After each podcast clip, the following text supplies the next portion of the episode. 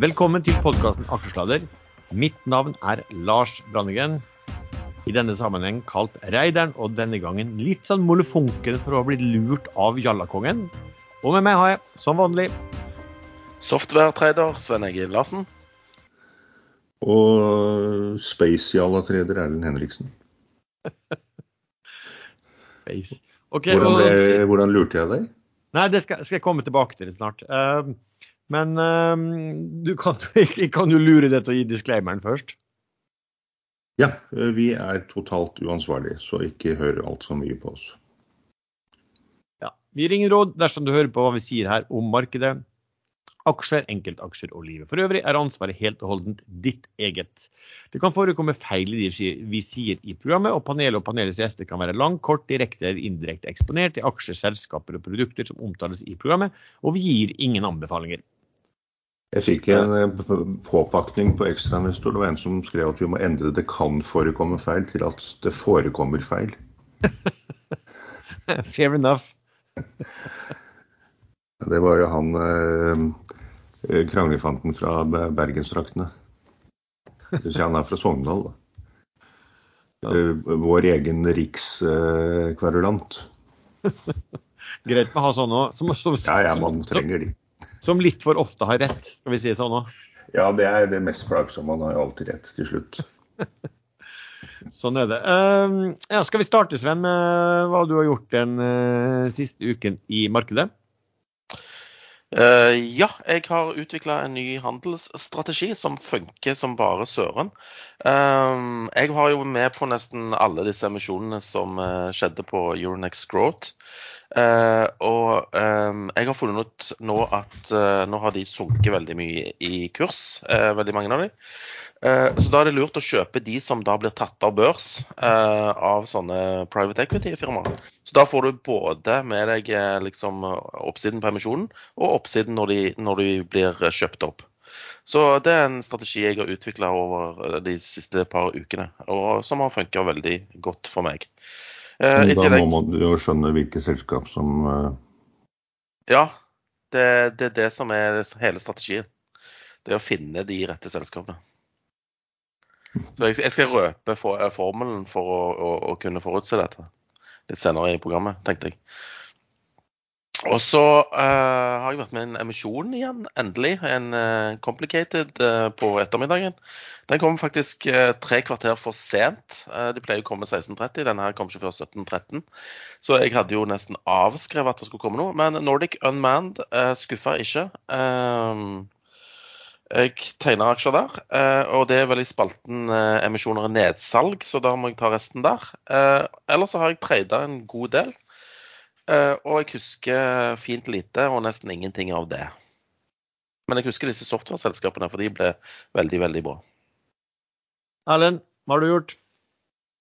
Ja, jeg eh, fortsetter tradisjonen etter at jeg var med Doff eh, 300% opp og endte med å selge på noen og 50 opp. Eh, Jeg gjorde det samme i Astro, Astrokast. Der var jeg med fra 1420 og 1425 helt opp til eh, 25-tallet. Og helt ned igjen eh, i går var nede om eh, 12.30. Men den har jeg litt ro på, så den har jeg faktisk valgt å beholde. Nå ligger den på rundt 16, litt under 16. Eh, Og så har jeg, jeg nevnte jo sist at jeg var inne i 5PG, dette gamle kølleselskapet fra Danmark. eh, Gamingselskap.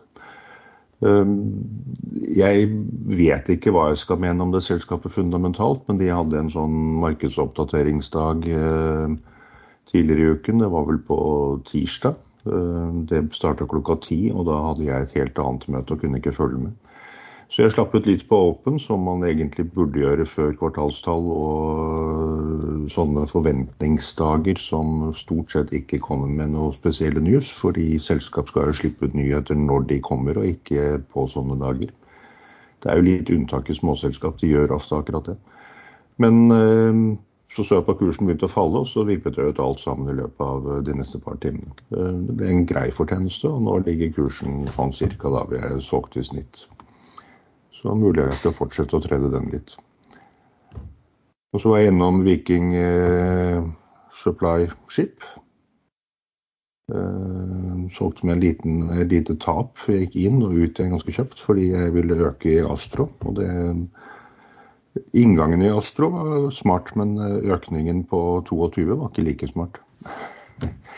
Men det er ofte sånn jeg gjør. Når noe stikker voldsomt opp, så hender det veldig ofte at jeg kjøper mer på veien opp. Det, er en grunn til at ting stikker opp. Hvis ikke det er ren pump and dump, men det tror jeg ikke det er i dette selskapet. Ja, det var vel hovedsakelig de jeg har tatt. Ja, for min del så har det vært eh, litt rolig. Jeg, ser jeg, har, vært, jeg har jo vært inn og ut av Avans gass, som jo ble, ble bra, men uh, solgte for tidlig, for den har jo gått mye i dag også. Um, og så har jeg solgt meg ut faktisk noe av um, rørleggeren ved SSAB. Da har det vært en, en sånn gjentagende Kan dere gi faen i å kalle den rørleggeren, som ja. jeg påpekte i forrige episode? Det er ikke VVS, det er VSS. Det er helt dysleksi hele gjengen. En skrivefeil, det. Ja, det, ikke sant. De har misforstått. Eh, men VSSAB har jeg solgt. Den har jeg egentlig truffet veldig bra på. Det var, det var, det var den siste potten av, uh, av det jeg hadde. Eh, den, den, store delen av potten, den største delen av potten her, den solgte jeg da Eh, på 17. mai, for da gikk jo den kursen bananas, mens alle nordmenn som hadde lyst til å kjøpe Supply og så et stengt norsk marked, så kjøpte de plutselig heller BSSAB i eh, Sverige, og da gikk jo den til, til 117, tror jeg, oppe i 115. Der tror jeg, tror jeg solgte til 114-115, hvis jeg husker riktig. Eh, så tok resten ut nå. Så, og den har egentlig vært veldig sånn truffet på veldig mange ganger i tre-fire ganger sånne rundkast der hvor den har falt en del ned, og så har kjøpt igjen og så har den gått opp igjen. Så man kan jo håpe, da. så da ender jo opp med at etter man har solgt, så ønsker man jo den litt alt vondt, da, selvfølgelig i en kort periode. Ikke akkurat de som sitter med aksjen, men, men Jo da, det er det. Det gjør du. Bare innrøm det. Nei, altså Hvis de kunne tjene penger mens, mens, aksjekursen falt, så hadde det vært fint. Men eh, sånn fungerer det ikke. Og så var det jo Astro, da. Ehm, og så kan jeg da Jeg har jo snakket om det, en tesen min der om at den eh, skulle dras opp i, i, forhold til at de skulle på Paris og hente store penger og alt det der. Eh, og det skjedde jo da så til de grader denne uken her. Så den gikk jo da fra sjutallet. eller på altså Jeg kjøpte jo en del, så jeg hadde en del på rundt sju der og akkumulert litt nedover. Den var, den var jo nede på femtallet også. Eh, og så gikk den tilbake og var vel, når jeg snakka om den sist gang, så var den vel rundt da syvtallet, var det på break even. Og den gikk jo da denne uken fra 7, og det høyeste var på 25,80. Eh, og da, da satt jeg faktisk, når den kom på 23-24, da tenkte jeg nå, nå, nå, er det liksom fristende å selge. Men så var jo den her tesen at altså, det så ut som jeg snakka om før, at jeg trodde noen av de her aktørene Det var veldig liten likviditet. Jeg trodde de kom til å ta tak i den. Og de hadde jo kjørt den opp eh, ved notering, så hadde jo kjørt opp den kursen her til over 100. Så grådigheten ble litt slående inn. Eh, og når jeg så liksom litt hvordan handlingsmønsteret var, var allerede fra starten på dagen, så tenkte jeg at her, her, her, er de virkelig i gang på å sette en skikkelig pomp på den her. Og emisjonskursen, IPO-kursen var jo 29. Eh, det jeg etterpå fant ut, var jo at det var jo ikke noen av de som, dagens aksjonærene som, som liksom kjørte på den skikkelig fra morgen. Hvem var det? Erlend Henriksen? Ja, det var Jallakongen. For det var han som forsynte seg grovt på morgenen også, også å bidra. Nå hadde jo kursen gått da fra Dagen før hadde den vel nesten, nesten dobla seg. Eh, men, men, det kom jo en melding da som var eh, gnisten som satte fyr på driten. Ja, den kom dagen før. Ja, det er riktig. De, de, de, altså, det segmentet de er har det vel vært en, en del, litt, kanskje litt mange av man snakket om ulike aktører. Og så var det vel to andre aktører som, i den bransjen som nylig slo seg gjennom, og så slo seg sammen. Og så nå går Astro inn. altså De, de formelt sett kjøper en, en, annen, en konkurrent, da. Um, som da får 16% av det sammenslåtte selskapet, pluss at aksjonærene der skal inn med over 100 millioner inn i en eh, emisjon i Astro som skal gjøres når de skal på i Parisbørsen. Jeg, jeg tror det der er et sånt eh, europeisk investeringsbankfond som, som har putta mye penger inn i dette Hiber som de kjøper. Så jeg regner med at det er de som skal inn med mye penger da, fortsatt i Astrokast. Da. Men i alle fall da, så... selskapet du kjøper skal jo også forplikte seg til å gå inn med 10 millioner euro eller dollar. eller hva det er. Ja, ikke selskapet, men aksjonær i selskapet. Aksjonærer i selskapet. Derfor jeg tror det, er dette eh, investeringsfondet. Men i alle fall så, så, så det, det, det endte med, det var jo også at nå var det jo, skulle sies, det var veldig liten likviditet. Og det, det var veldig vanskelig å selge fordi at selskapet var børsstoppet 14 ganger på én dag. Altså, og når, når, du kom til sluttauksjonen, så kom de aldri til sluttauksjonen. fordi de var også gått i en sånn circuit breaker da, på at kursen faller opp, går opp eller ned for mye. De var også i en circuit breaker sånn i firetida, og den, den åpna de aldri igjen før, før, etter at hele børsen var stengt. Jeg tipper han Jean-Pierre hadde gått hjem og slukt lyset og gadd ikke mer. fordi at eh, etter 13 så, så tror jeg det står i arbeidskontrakten deres at de kan gå hjem. Ja, Han var helt utslitt, tenker jeg, bare av den. Måtte sitte med spakene på den og, og, og, og følge med hele tida. Så, så, så, så, det var jo liksom det er jo ikke så store volum som går inn. så Det var ikke sånn at det var veldig lett å komme seg ut med noen store volum heller. Det som har skjedd senere der, er at men eh, jeg har solgt litt. Jeg har solgt sånn at, uh, at uh, hva skulle vi si, investeringen min er dekket. Sånn at alt jeg sitter med her vil være pluss. da. Så per i dag så er det vel den opp en gode Skal vi se opp 6,7 nå. Ja, jeg tror jeg, jeg, ser at det er sånn opp 125 da, fra, fra, inngangen min. Um, så ja. Så, så den, den, ser jo alt alt veldig bra ut, men det er derfor jeg sa litt sånn molefonk. Man blir litt sånn irritert når, når, når det, det, kom noen aksjer, en del aksjer på kjøp høyt oppe på 23-24 der, og da, da, man sitter der og tenker på mm, bør man ikke, og så bare nei, det, det, er sikkert de som har satt i gang, og så oppdager man at det er Jalla-kongen som, ja, Det var ikke mye jeg kjøpte der oppe. det Hovedposten tok jeg jo på 14-20-25. Ja, nei, det var, men det var det jeg mente. Jeg tenkte egentlig fra morgenen av, når jeg så hvordan det utvikla seg fra morgenen av, hvilken iver det var, så tenkte jeg, og det minte meg litt om hvordan disse eh, storeieren i det selskapet tydeligvis hadde, aksjonærene hadde bidratt til å kjøre den etter at den kom på, på Oslo Børs. Da. Så tenkte jeg at nå, nå spørs det om ikke de skal kjøre den i 50 før de skal sette en emisjon med rabatt på, i Paris. Det, og det kan jo godt være at Det, det kan godt skje. Teknisk sett ser den jo ganske nydelig ut. Ja. 60 er jo som uh, teknisk kursmål på den. Så, men det er vanskelig å vite. Men det er et interessant selskap. Absolutt. Ja. Det um, så det var egentlig mer det, de tingene jeg har gjort. Mer stille, mer følge med på hva, hva i all verden er det som skjer rundt. Og sitte og, og holde på de uh, aksjene som allerede, allerede går bra.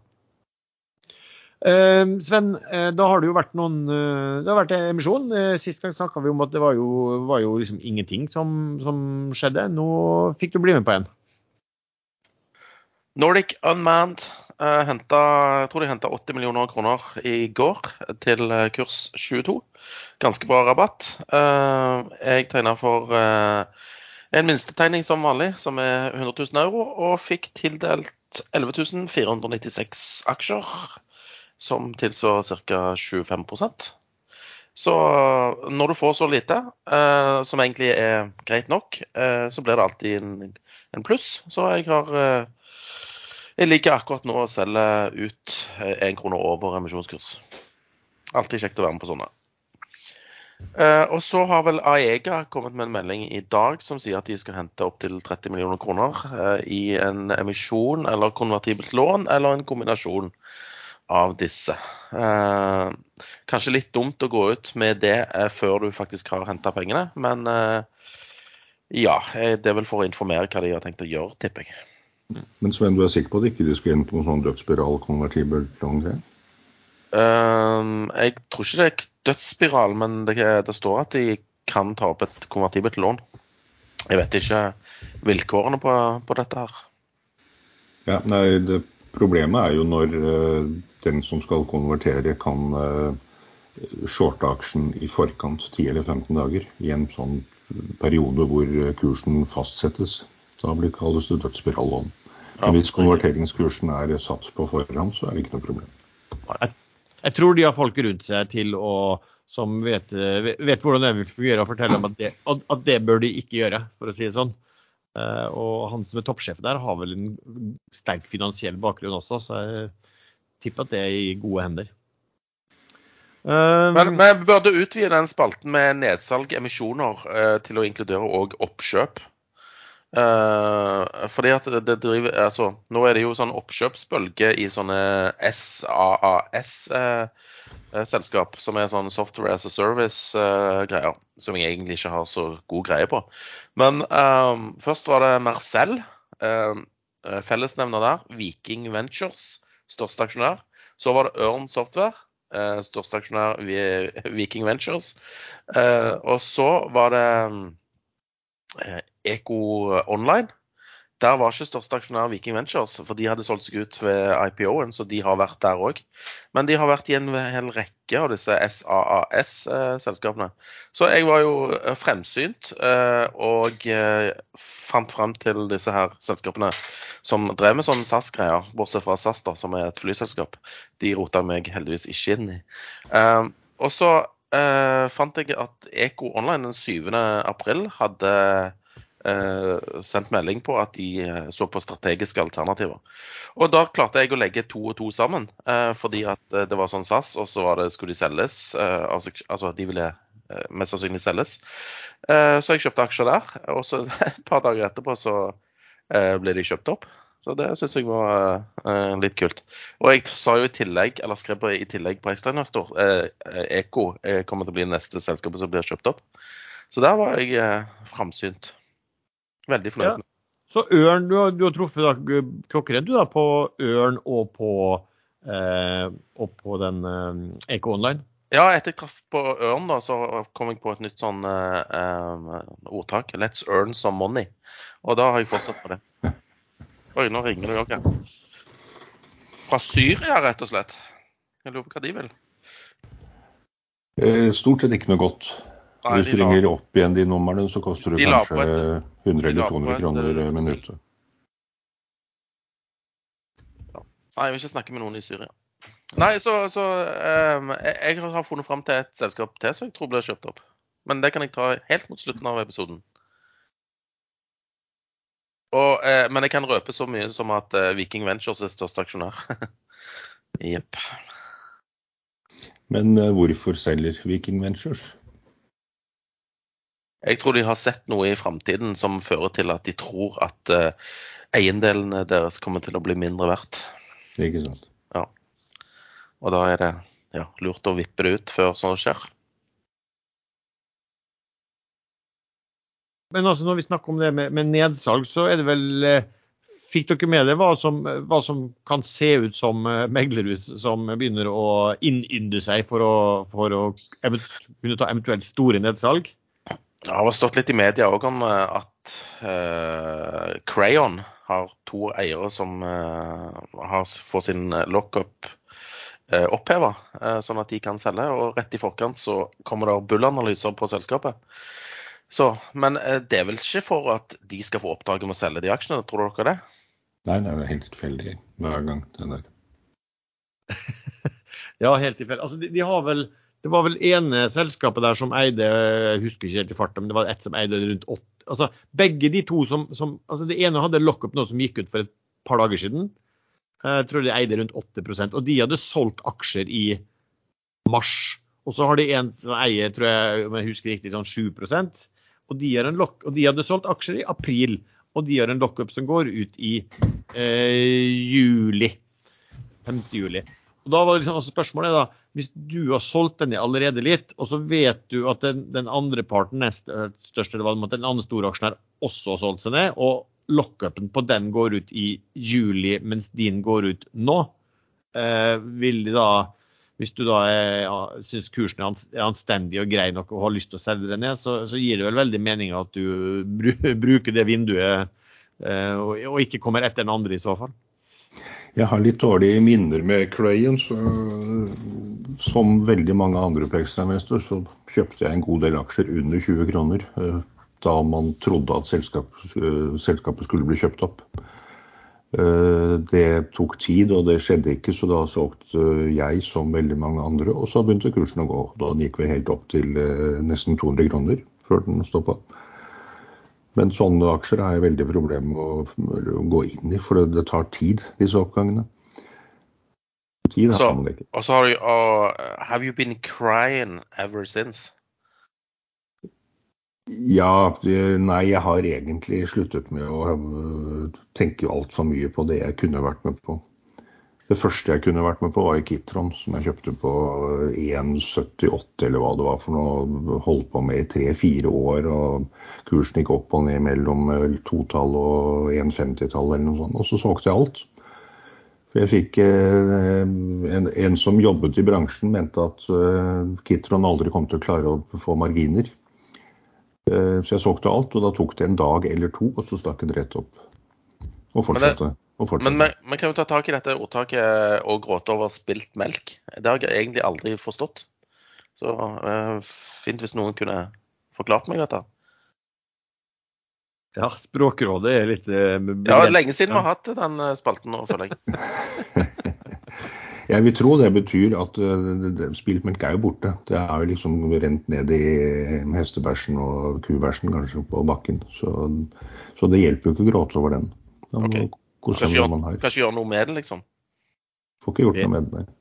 Det er helt riktig. Og, det, og for å si sånn, Hvis man skal tenke holde på sånn i aksjemarkedet, da, da, da kan man holde på med mye på hva man burde, hva man burde gjort. Da, ja. Det blir ikke så veldig mye nytte av det, for å si det sånn. Um, skal vi ta og kaste oss litt inn på hva som skjer på, på makrosiden? Da? For det, det er jo veldig spennende. Nå er dette vi har snakket om kvantitativ easing, QE, har vi jo snakket mye om. Men nå begynner man altså jaggu med, med quantitative tightening, QT, eh, i, i hvert fall i USA. Eh, Hva, hva er det her, Sven? Hva, det, og hva betyr det for markedet? Nei, Fed eh, begynner å skal selge litt av sine utallige verdipapirer, eh, som da er begrenset oppad til 30 milliarder dollar per måned.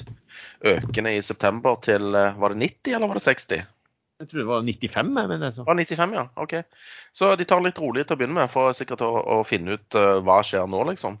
Men jeg tror ikke det er et problem ennå, fordi at uh, daglig så blir det parkert ca. to trillioner eh, Hva heter det på norsk? Er det trillioner?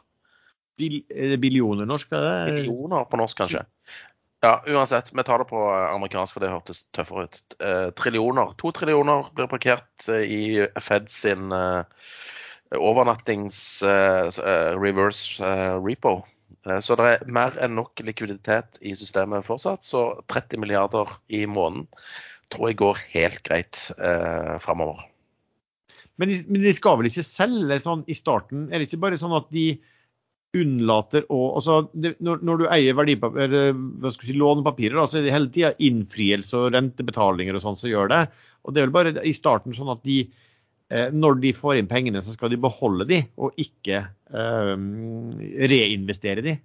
Er det ikke sånn i starten også?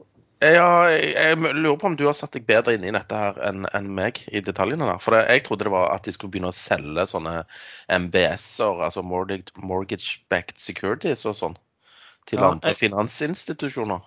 Ja, jeg er litt usikker på om de gjør det i starten. Altså. Jeg, det, Ja. jeg, jeg, jeg, jeg er litt på tynn is sjøl, men jeg, jeg, tror jeg, Men jeg, har òg skjønt at de skal bare la disse forfalle og bli innløst, liksom. Og på Ja. den måten så får de jo penger tilbake. Ja, ikke sant. Og da reduserer de den balansen sin. ikke sant? For at Fed sin balanse har jo da økt fra er det ikke fire trillioner til åtte trillioner dollar. Eh, og det gjorde de på eh, under covid-perioden. Jo, stemmer det. Eh, og nå må jo, sant, altså, de har, og det som vi har snakket om gjentatte ganger, det betyr per definisjon de har trykket på maskinen sin at nå har vi trykket penger, og så har de brukt de pengene til å kjøpe verdipapirer i markedet. Og, og, og de har jo ikke noe sånn de, Det er vel ikke noe lønnsomhet. Jeg, jeg vil tippe at mye av det de har kjøpt av rentepapirer fort eh, Jeg mener at det var noen som skrev også at, at det, det var mye tap i den porteføljen der, for å si det sånn. For de, de, ikke, de går jo ikke inn og kjøper av lønnsomhetshensyn. Det er jo det som er problemet her. ikke sant? Du har en hval som er gutten med gullbuksen, som bare kan trekke opp penger, og som ikke har noe forhold til om det de skal kjøpe skal være lønnsomt for de. Og, men en ting er at de, de, de skal gjøre det der og skal våkne. Ja. Er det Syria? Så ikke ta den. Nei, det var et norsk eh, nummer. Telia tenker jeg akkurat flytte. Så da skal Telia fortsette å ringe meg og ønske velkommen og lykke til eh, 17 ganger etter at alt er egentlig signert og fått materiell og sånn. Litt plagsomt. De er for høflige. For snille. Men hva betyr, hva betyr at igangsettingen med QT hva, hva liksom betyr det for, for et aksjemarked? Og, og, og Sven, og hva, hva, hva tror du det vil bety for aksjemarkedet fremover? Jeg tror ikke de 30 milliardene i måneden eh, eh, som de lar forfalle, eh, betyr så veldig mye. Men det som betyr noe, er jo at de ikke kjøper eh, nye verdipapirer. Altså, den hvalen skal slutte å spise all den planktonen som finnes der ute. Og det er vel en del, som du sier, bad plankton òg eh, å få tak i. Så nei, jeg tror egentlig ikke det betyr så veldig mye for aksjemarkedet på i hvert fall kort sikt. Mm. Jeg tror det er andre ting i den økonomien her som tyder på at det kjøles fort ned, som er litt sånn viktigere å, å se på. Nå gikk vel han Elon Musk òg ut i dag og sa at han måtte kutte 10% av, av staben. Og han så mørke skyer for, for den amerikanske økonomien framover. Ja, for han sitter jo og selger biler. Jeg så bare det kom noe statistikk på noe bilsalg i, i USA som var, som var veldig lavt. Uh, nå er det vel at sånne, sånne, elektriske biler har vel egentlig vært den klare vinneren i uh, alle segmenter, selvfølgelig. Men, uh, men, men, han får jo likevel en ganske kjapp, tidlig oppfatning, hvert fall hvordan det ser ut i det segmentet. Hvordan forbrukeren opp, oppfatter situasjonen. Ja, det er ikke bare, men De har jo også problemer med å produsere bilene. Ikke bare chipmangel, men mangel på det meste nå. Og ekstremt høye råvarepriser metallet de bruker, og kobber og alt annet. Batteri, litium, hele pakka. Ja. Nest, nesten viktigere i forhold til En ting er Muscord, men eh, nesten viktigere er jo han som heter Jamie Dimon, som er vel toppsjefen for eller JP Morgan. Um, også kjent fra finanskrisen, hvor han var en av de markante aktørene. Og, og kanskje den liksom mest kjente og mest markante hva skal si, banksjefen da, i, i, av storbanken i USA. Han var ute og sa da at uh, there is a hurricane coming. Så han brace, sa han bare.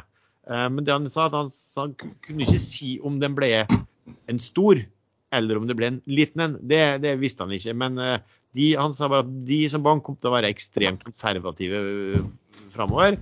Og han anbefalte liksom også eh, kunder holdt der og, liksom nå ja, bare være svært, svært forsiktig. Uh, og det lyder jo ikke sånn godt da, men, for, for, økonomien, men, men, markedet har jo gått, vært bra i det siste. for nå, nå, er det nesten sånn at dårlige makrotall uh, er, har blitt oppfattet som bra for børsen. Er det ikke sånn? Altså, du... Jo, jo. Det er fordi at det, det er forventa eh, færre renteøkninger, eller mindre økning av renten totalt sett eh, i USA. Og, og, og, det oppleves jo som eh, hyggelig for de som ikke liker høye renter, altså teknologisektoren spesielt.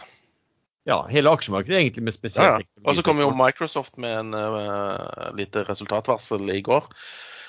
Var det i går, eller var det i forgår? Det var vel i går, kanskje? Jeg tror det var i forgårs. Forgårs, OK. Men uh, uansett, da. Uh, markedet starta ned, men henta seg fint inn og stengte bra opp. Ja, var, nå var den veldig liten, da, det varselet også, skal sies. Ja, ja. Og de skyldte vel egentlig på valutaeffekter, egentlig. Ja. Men uh, altså nå er, også, det som er også litt spesielt nå, er jo, er jo, nå har vi sett det hele tiden, men, men også, de er jo helt, altså de, disse ulike direktørene i amerikanske sentralbanken, eller styremedlemmene heter de vel, Eh, de er jo ute og uttaler seg hele tiden. Og ene uttaler seg jo litt mer utydelig enn den andre. Eh, jeg syns jo det virker, de virker... Men, men jeg syns de prøver å snakke det markedet ned fortsatt, jeg.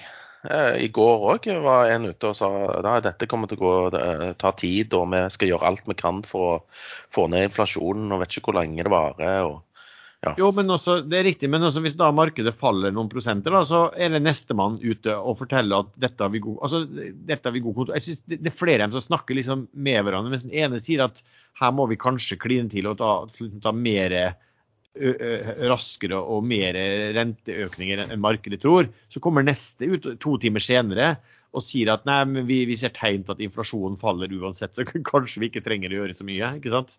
Det er ikke dette også litt sånn testing av markedet, at de har nok snakket mer med hverandre på bakrommet og avtalt litt hva de skal gjøre for å både forberede og teste, teste reaksjonen i markedet på det som blir sagt? Det virker jo ikke så planmessig for min del, for det er så kort tid mellom og sånn. Eh, men altså, nå skal man huske på hvert fall sånn offisielt, da, hvis du tenker på han Powell, Fed-sjefen, så skal man huske på at altså, de blir liksom sitert på hva de sier som det er sant. Men de snakker jo ofte for å styre markedet også, ikke sant. Um, så, så hvis, det, hvis, ting så veldig ille ut, så eh, tror ikke jeg akkurat de hadde vært de som hadde fortalt om det. Nei, men du, du, tror ikke det, de egentlig bare snakker sin uh, opp, oppriktige mening? Altså, For det er jo forskjell på hauker og duer i, i, i, denne komiteen. Noen er jo mer positive enn andre. Jo, de gjør nok det. Men det, det, det, det bare reagerer på. Jeg syns det blir så mye av det, og, og, ofte litt sånn konflikterende. ikke sant? At den ene sier det ene, og den andre sier det andre. Og så, så, så de virker jo eh, veldig PR-kåte, egentlig. Nesten rart at de ikke har en eller annen at uh, hvis du, hvis du, sitter der, så er det den og den er den som skal uttale seg utad om, om dette her, da. Men ja.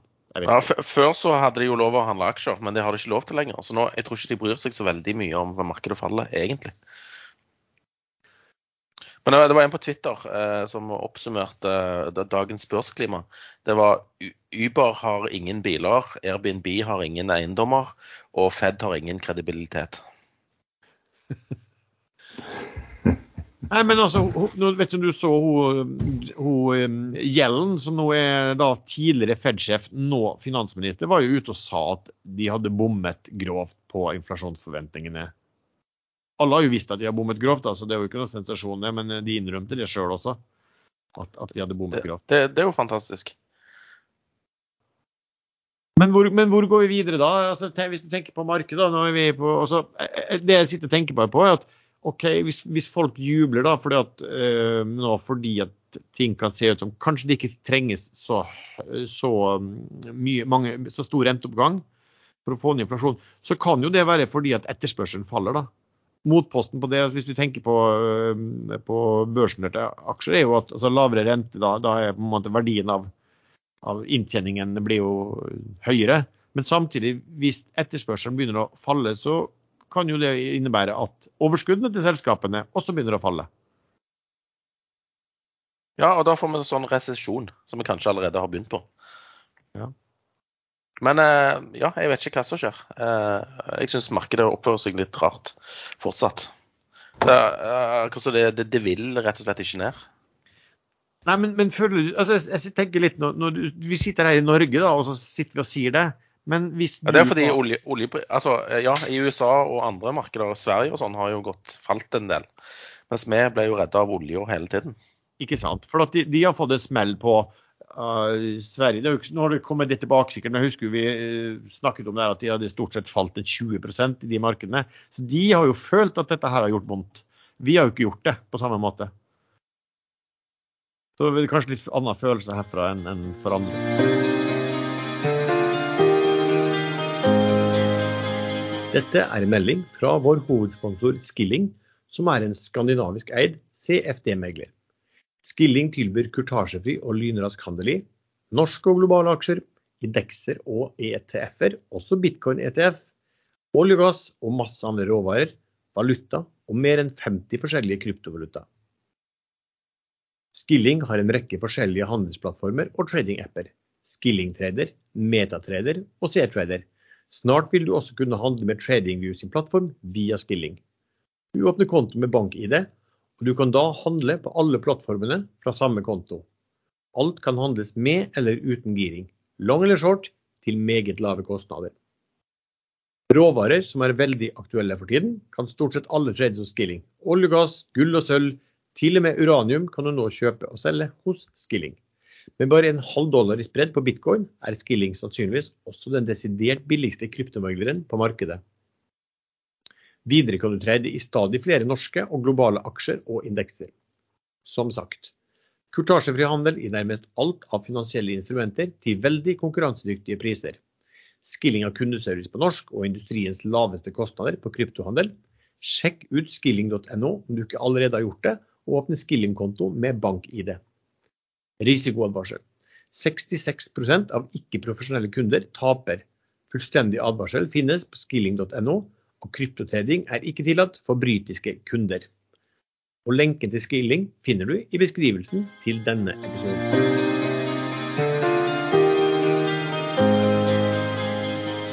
Men da snakker vi litt om oljepris, da. OPEC pluss de hadde et møte i går. Hva kom ut av det? Den fulgte du med? Jeg fulgte med uh, og fikk med meg at de skulle øke uh, kvoten sin, eller uh, det de skulle nå, nå, står det helt stille. Hva, hva, heter det egentlig? Produksjonskvoten, eller produksjons... Ja, det var det, ja. Med 648 000 fat per dag fra juli mot venta ca. 400 000. Eller 400 Men det var vel, Da hadde de kuttet eh, Russland ut av den uh, ligningen, hadde de ikke det? Nei, tror ikke det. Nei, jeg tror det var inklusive Russland. Men Russland driver jo og selger kun til uh, shady motparter for øyeblikket, så ja. Men de ville jo da kjøpt fra OPEC eller USA eller Norge eller whatever. Uh, uansett, så olje er olje, liksom. Men hvilke OPEC-land har reservekapasitet? Det er vel egentlig bare Saudi. Og, jeg, eh, og, de, og, Emiratene. Ja, men det er enkelte som antyder at Saudi kjører for full pupp allerede og ikke har noe særlig mye mer å gå på. Så vi får se. Det har Biden noen sagt at Saudi har eh, kjørt for hardt på sweet spots og kommer til å oppleve en kraftig decline eh, før eller siden. Men det syns jeg hørte ganske i, i, i fem til ti år nå om, om Saudi ja, ikke sant. Saudi har uh, størrelsen på oljelagre og mye rundt olje er jo oppvoktet som statshemmelighet i Saudi-Arabia. Så det er, det er, stort sett tipping om hva Saudi har, og hva de produserer og hva de har på lager. Ja. Jeg tror det var vel en fra Saudi som sa at men da snakket vi om globalt at eh, altså reservekapasiteten utgjør bare 2 um, av, av, av dagens produksjon. Men hvor mye de måtte ha, det vet man ikke. Altså, problemet med OPEC er jo at det, det de gjør nå, er, sant, er at de, fas, de, de kutta jo mye i forbindelse med covid. Og nå så har de beslutta en sånn trappetrinn for å øke opp igjen produksjonen. Så de kommer tilbake igjen eh, og får satt markedet i balanse. Men så er problemet at når de har, skulle øke igjen, så har de ikke klart å øke det, eller OPEC pluss. Og det har egentlig ene og alene skyldes Russland. Det har vært litt sånne at eh, Libya har vært i et borgerkrig og, og tidvis ikke har klart det. Men jo, men uh, Libya var helt soleklart uh, russisk uh, påvirkning. Wagner-gruppen som blokkerte eksport av 550 000 fat om dagen. Ja. Så, men, men, men, det er jo den biten her da, at, at, når de da skal øke, og siden Russland er så stor, så har ikke OPEC, da, OPEC pluss klart å levere det de skulle levere. Og nå Diskusjonen nå foregår jo da om at skal rest, altså skal det vanlige OPEC da få eh, produsere innenfor sine kvoter det som Russland ikke klarer å levere? Det er jo det som er egentlig spørsmålet. Og det kom det, det var snakk om, det kom vel ingenting ut av på det møtet her, gjorde det? Nå var jeg fortryllet i min egen trading her, så jeg uh, hørte delvis etter. Uh, uh, og, og, jeg vet at jeg kan svare ja eller nei på dette spørsmålet, men jeg, jeg vet ikke svaret. Nei, altså Jeg satt og fulgte med på det. Jeg vet ikke svaret sjøl, egentlig. For det kommer egentlig ikke noe ut av det. På, altså, de skal øke den kapasiteten det gjaldt Russland, men man hadde jo håpet kanskje på at Saudi skulle si at vi, eh, det som Russland ikke leverer, det skal vi levere. Og så, Men så skal du tenke da at det er faktisk slik at eh, nå har det jo vært liksom, eh, hva skulle nesten fiendskap mellom Saudi og, og USA etter at Biden ble president han og han Bonzo har vel ikke vært så veldig glad i hverandre. Men nå ser jo det ut til å liksom løsne litt. Jeg tror de eh, gjorde noe deal eh, angående Jemen, og nå skal Biden besøke uh, Saudi i juni. Jeg sitter vel med en formening da at kanskje Saudi i, forbindelse med et sånt møte, at Saudi vil bekjentgjøre at de kommer til å produsere det som Russland ikke produserer. Kanskje det er en bedre timing. Enn, men det er ikke sikkert, altså spørsmålet En ting er å si hva du kan klare. ikke sant? Spørsmålet er jo hva du faktisk klarer. Og Da kan vi jo eh, gå over til eh, han Jaran Rystad i Rystad eh, Consulting, som sier at oljeprisen om to år skal ned 30 til 50, altså skal handle mellom 30 og 50 dollar. Og nå når endelig ting har begynt å ta seg opp her i Stavanger-regionen, så skal han komme og ødelegge hele skiten igjen. Det er urettferdig Altså, vi henger sånn etter på boligpriser. Jeg så at uh, Oslo hadde dobla seg på ti år. Uh, uh, Stavanger hadde gått opp 8 Ja, men hva tenker du om det han, altså argumentasjonen til han Rystad? Hva har du, Nei, var ikke det at uh, Shale skulle komme så hardt og brutalt at det, killer hele oppgangen. Så, hvis, så vidt jeg forsto. Nei, jeg tror ikke han, mente Shale spesielt. Han mente vel generelt altså, at nå båres det mye rundt om. Ja ja, endelig. Og, og, Liksom. det, og det tar litt tid for, det, for, det, for, for de tingene slår inn, eller blir, blir levert til markedet. da. Ok. Ja, nei, jeg vet ikke, men han, han virker jo som en oppegående fyr. Men eh, jeg lurer på om han satte dette litt på spissen for å, å, å komme bredt ut i media. Men det er jo en eh, black swan i forhold til oljeprisen uansett. Hvis, eh, hvis det skulle komme et regimeskifte i moderat retning i Russland, så krigen opphører i Ukraina og Vesten dropper sanksjonene ganske umiddelbart, så, så kan jo dette krasje fullstendig. Eh, oljepris og alt man nå ser av eh, oppganger i oljeservice osv. Nå er jeg jo ikke noen ekspert, men man har jo fulgt med gjennom noen år. Og det man har sett altså på forskjell mellom da oljeetterspørselen og oljetilbudet, bruker jo å være egentlig veldig liten. Det er veldig på marginen. Som gjør at hvis du har litt for lite tilbud i forhold til etterspørsel, så går prisen sky high. Og har du litt for mye, så går den rett i bunn. Eh, og ut ifra det så er det liksom vanskelig å forstå hvor skråsikre folk er på langvarig at noe sånt. Altså, vi, husker jo alle lang tid før Shale at da var det jo snakk om at, altså at, eh, at eh, nå var det jo knapt nok olje igjen å få. Ikke sant? Det var det ene øyeblikket. Det andre øyeblikket så er det peak oil. Da skal etterspørselen bare falle framover. Det, det er liksom veldig mye type, type teorier. da. Rystad er vel en som, som modellerer alle, alle mulige eh, hva skal si, båringer som pågår, og, og, og utbygging av felt som pågår og sånn også. Men altså, han må jo ha antakelser han også på, på etterspørselen framover. I forhold til, til dette her, så, så det er vanskelig å si. Ed Morse, han i Citibank, han var jo flink til å spå seil. Han sier vel at hadde det ikke vært for dette med Ukraina nå, så burde oljeprisen ligget rundt 70 dollar. Ellen, hva, hva tror du liksom om oljepriser da, og hva, hva, hva Gjør du noe i olje? Jeg? Det er du som heter Erlend, ikke? Ja? Jo, men jeg sitter akkurat og skriver en trekkspilling samtidig. Jeg har jo tross alt et firma som skal drives ved siden av. Eh, nei, jeg syns det er mye høyere risiko enn eh, man kan se når man leser i chatten og alle jubler og opp 7% og 10% og til og med 30 eh, daglig. Det er jo selvfølgelig sånne oppganger man må få med seg. Jeg prøver å ta med meg litt innimellom, men å sitte og tro at dette kommer til å fortsette i to år uten risiko, det, det er litt sånn galskap. Dette kan krasje i morgen. Hvis det etterskjer. Og da Eller på høyre. Nei, det er lørdag i morgen, så det går ikke, det. Ja, tenk, hvis, eh, tenk hvis da på en lørdag, etter at alt har gått sky high på en fredag, det meldes om regimeskifte i Russland, og dette blir moderat, og nå skal vi sette oss ned og snakke sammen. Så hvordan ja. åpner mandag da?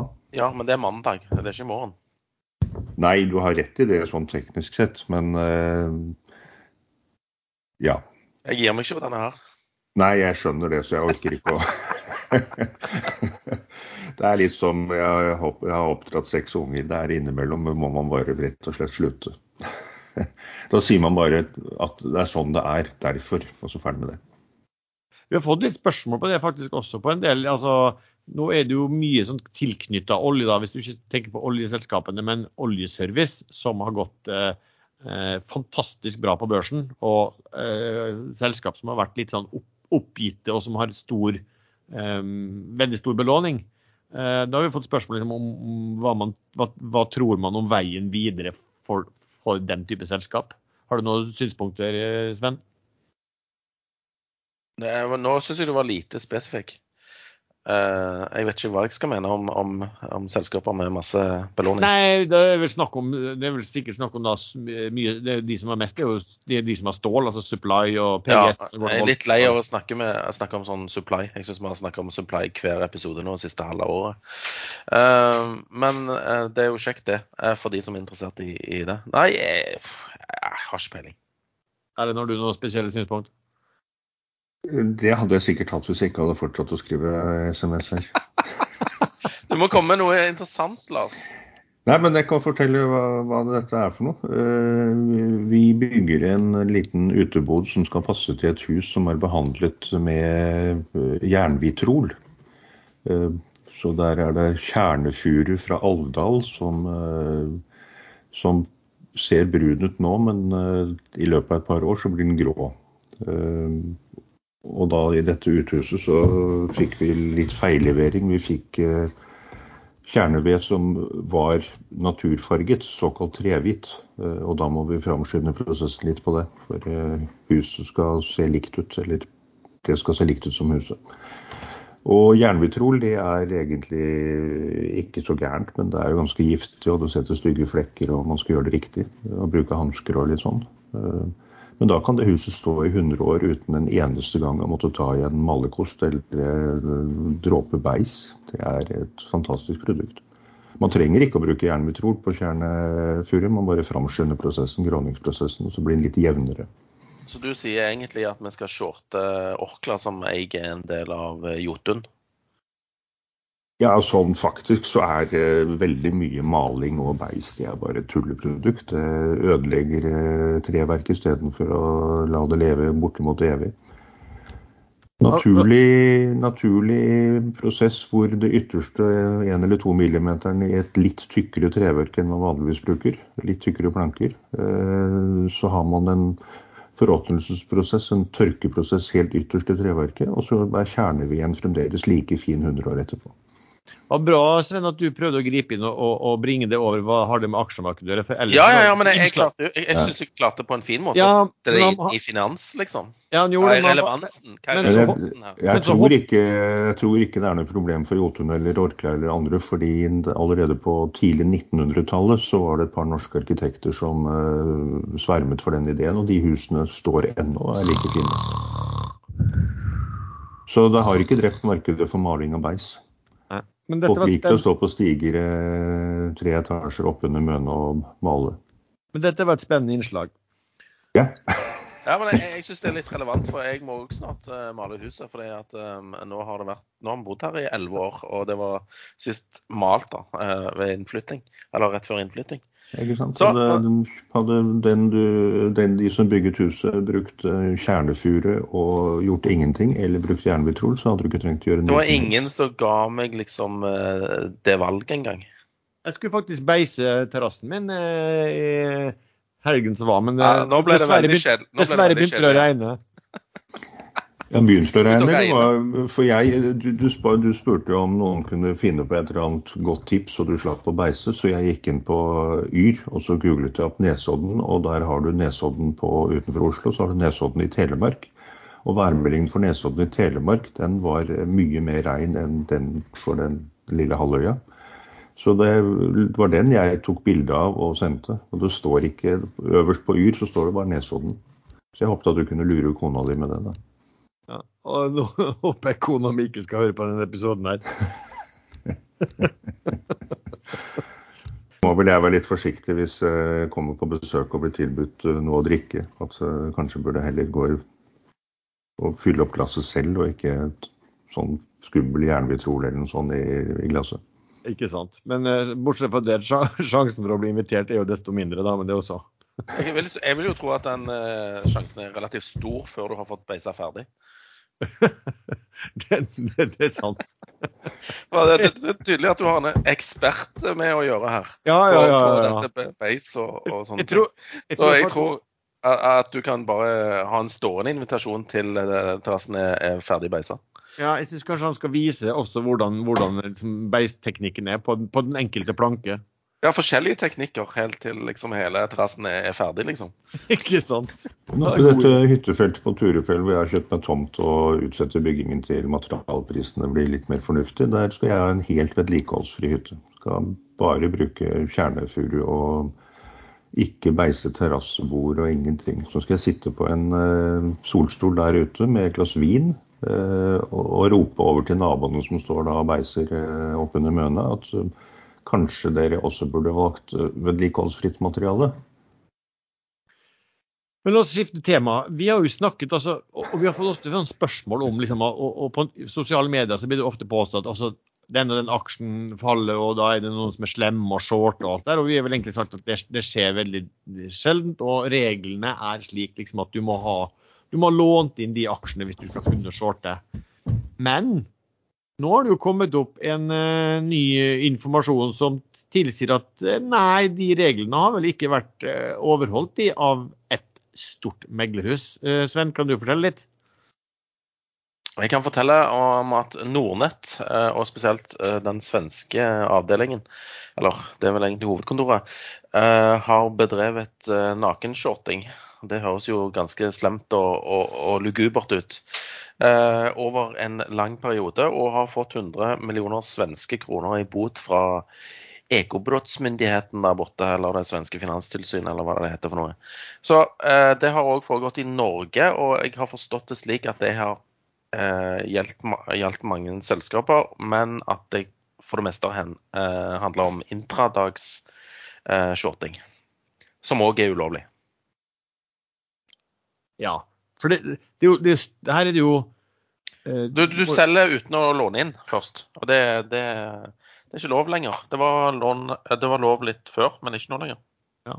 Jeg tror det, var, det ble oppdaga i forbindelse med det var et eller annet selskap det gikk helt galt i, tror jeg. Og så ble det oppdaga. Og så var det også sånn at eh, om jeg forsto når Finansinspeksjonen altså, Å få en sanksjonsavgift på 100 millioner, det, det, det tilsier jo at det her er svært alvorlig. Eh, og det som da sto, var vel også at de Nordnett har vært Altså det er ikke noe de ikke har visst om. Eh, Men Nordnett sa også at de, de, skulle se litt på dette, for de var ikke sikre på om de hadde tjent så mye på det som 100 millioner. Så, så dette har vært en gigantisk inntektskilde for dem. Ja, og, og, altså, det er jo ikke bra i markedet at noen som er store aktører, altså kanskje kapitaltunge, mest aktive Eh, skal få kunne gjøre den type eh, transaksjoner, mens, mens andre ikke kan få gjort det? Nei, sånn For å være litt brutal, så burde Nordnett mistet bevillingen sin og ferdig. Ut med dem. Så hadde kanskje andre uh, latt være å prøve seg neste gang på det eller noe annet. Ja, Men jeg tror ikke det er så mange andre som har prøvd seg, egentlig. Ja, det var jo noen store nakenskjorter i eh, det gruveselskapet oppe i Nord-Norge, eh, hva het det igjen, eh, for noen år siden, som konka. Som hoppet over litt tester og Nor Northland. vurderinger. Northland Resources, ja. Der ble jo et par banker, særlig utenlandske vel, tatt for å nakenskjortet kraftig. Og de fikk minibøter som var langt under det de hadde tjent på det. Det er jo ikke akkurat avskrekkende.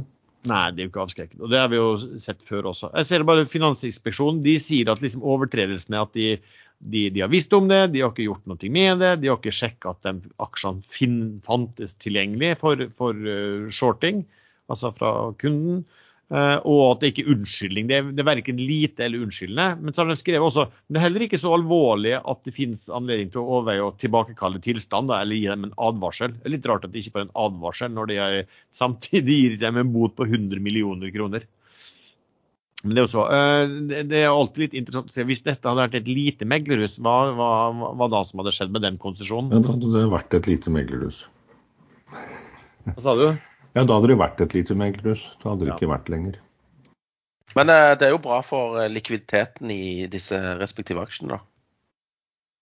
Eller var bra, for nå kan de jo ikke gjøre det. Ja, det var bra. Altså. Ja. Men eh, det var jo urettferdig, og vi liker jo ikke urettferdighet.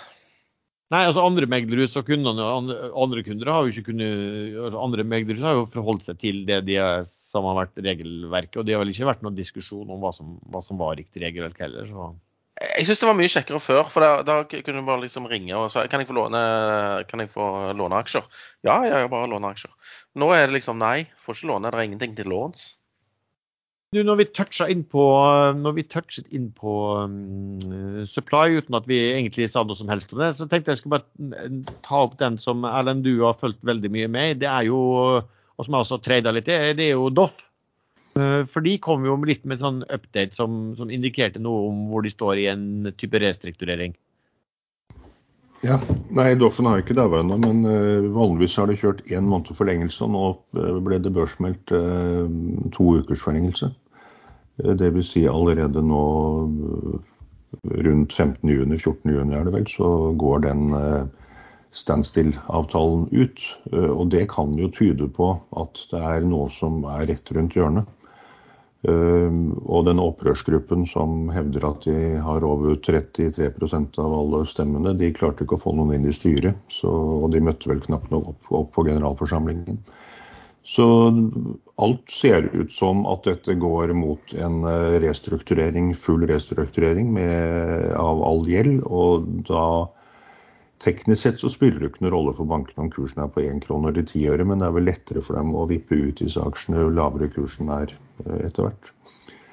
Eh, men det er jo også andre scenarioer, at uh, selskapet kan bli stykket opp og delt. Og at aksjonærene da sitter igjen med enda mindre enn lite. Eventuelt eierandeler i Doff Subsea som kan gå, kjøres som et eget selskap, eller fusjonere med andre selskap. Så det er, alt er litt åpent. Så det å trede den nå på over to kroner, eh, når man vet at det uh, veldig kjapt kommer en restrukturering som kan være helt ned på ti øre, og det kan vel teknisk sett være på ett øre òg. Men det krever en generalforsamling, og da må de Jeg tror det er én krone som er pålydende i den aksjen. Og for å kjøre det under en krone, eller under pålydende, så må de innkalle til en generalforsamling og få det godkjent. Uh, og da samtidig godkjenne restruktureringen, og da tar det litt tid før disse aksjene kommer. Men de, de, tar jo hele dritten samtidig. altså Når det kommer et forslag om restrukturering, så er jo det eh, forslag om ja, ja, ja.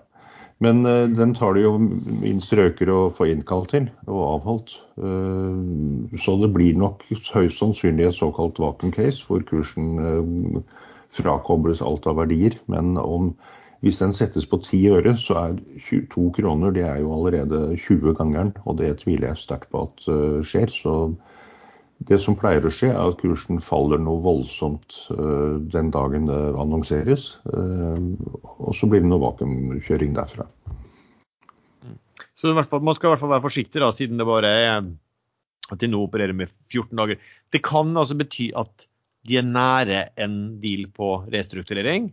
Eh, det, et alternativ er jo da selvfølgelig at långivere er nå blitt såpass irritert at man, altså man har holdt på der i to år, og at de sier at nei, nå, nå, nå får man 14 dager, ellers så, ellers så lar vi øksa falle. Det er jo, det er jo også en mulighet. da.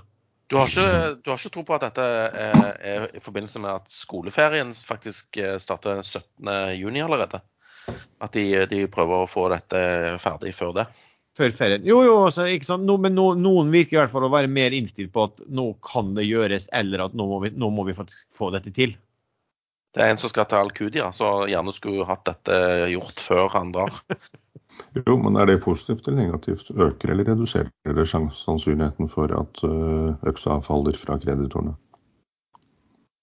Nei, det vet ikke jeg. Nei. Jeg vet kun når skoleferien begynner. Så det er i mitt hode eh, risk reward på den aksjen akkurat nå, på over to kroner. Den syns jeg er galskap å prøve å trede på. Den er i hvert fall uviss. Eh, jeg vet ikke det. Altså, det er klart at uh, supply, altså bransjen der, det ser jo lysere og lysere ut for hver dag. Og, i hvert fall skal man tro aksjemarkedet, i hvert fall på mange av de andre, så har jo de kursene gått ganske voldsomt opp også. Så... Men hvis det kommer 10 milliarder nye aksjer og kursen eh, er på to kroner, da vil jo den eh, market cap på det selskapet være på 20 milliarder eh, kroner, og det er det jo ikke. Det har det aldri vært. Nei, nei, altså, det har vært det faktisk, men ja, nå, nå, blir jo ikke, nå jo ikke hele, nå blir jo ikke hele gjelden eh, konvertert også, i så fall. Det blir jo en, en del av det, en, og sikkert en mindre del også. Men det, det, er, det, er, så vanskelig å si hva det er. Det har holdt på så lenge at vi er liksom helt i blinde på hva, på hva som Plutselig kommer det opp en deal som er bedre enn hva man tror, eller så kommer det opp en deal hvor de konverterer masse og bare slakter kursen på det. Eller, eller, eller i verste fall at noen plutselig bare slår til, og så, så, så tar de tilgangen i, i, selskapet. Eller da tenker jeg mest på at de tar Doff Subsea, og så og resten flyter i sin egen sjø, på en måte. Um, ja, vi fikk ett spørsmål. Altså, vi har snakket også mye om det var spesielt meg som har snakket om Norway Royal Salmon og SalMar. Nå ser vel ut som den sagaen ble avsluttet. Eh, jeg snakket vel hele tiden om at jeg trodde at det kom til å bli et eh, oppkjøp før eller siden der. Nå solgte jeg jo da før, før det oppkjøpet kom, for det kom nå i uken. Men, men det ble ikke så verst det for uansett, fordi at den, den budpremien var liten. Eh, og det hadde kommet mye dårlige meldinger på NRS, både problemer med, med altså både på Island og også på disse eh, konsesjonene de hadde oppe i Nord-Norge, om, om eh, laksedød og, og, og, dårlig drift, egentlig.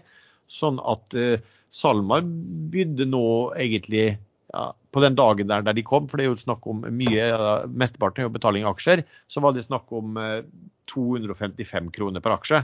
Eh, og den hadde jo vært oppe i over 240 eh, når, når jeg solgte det også.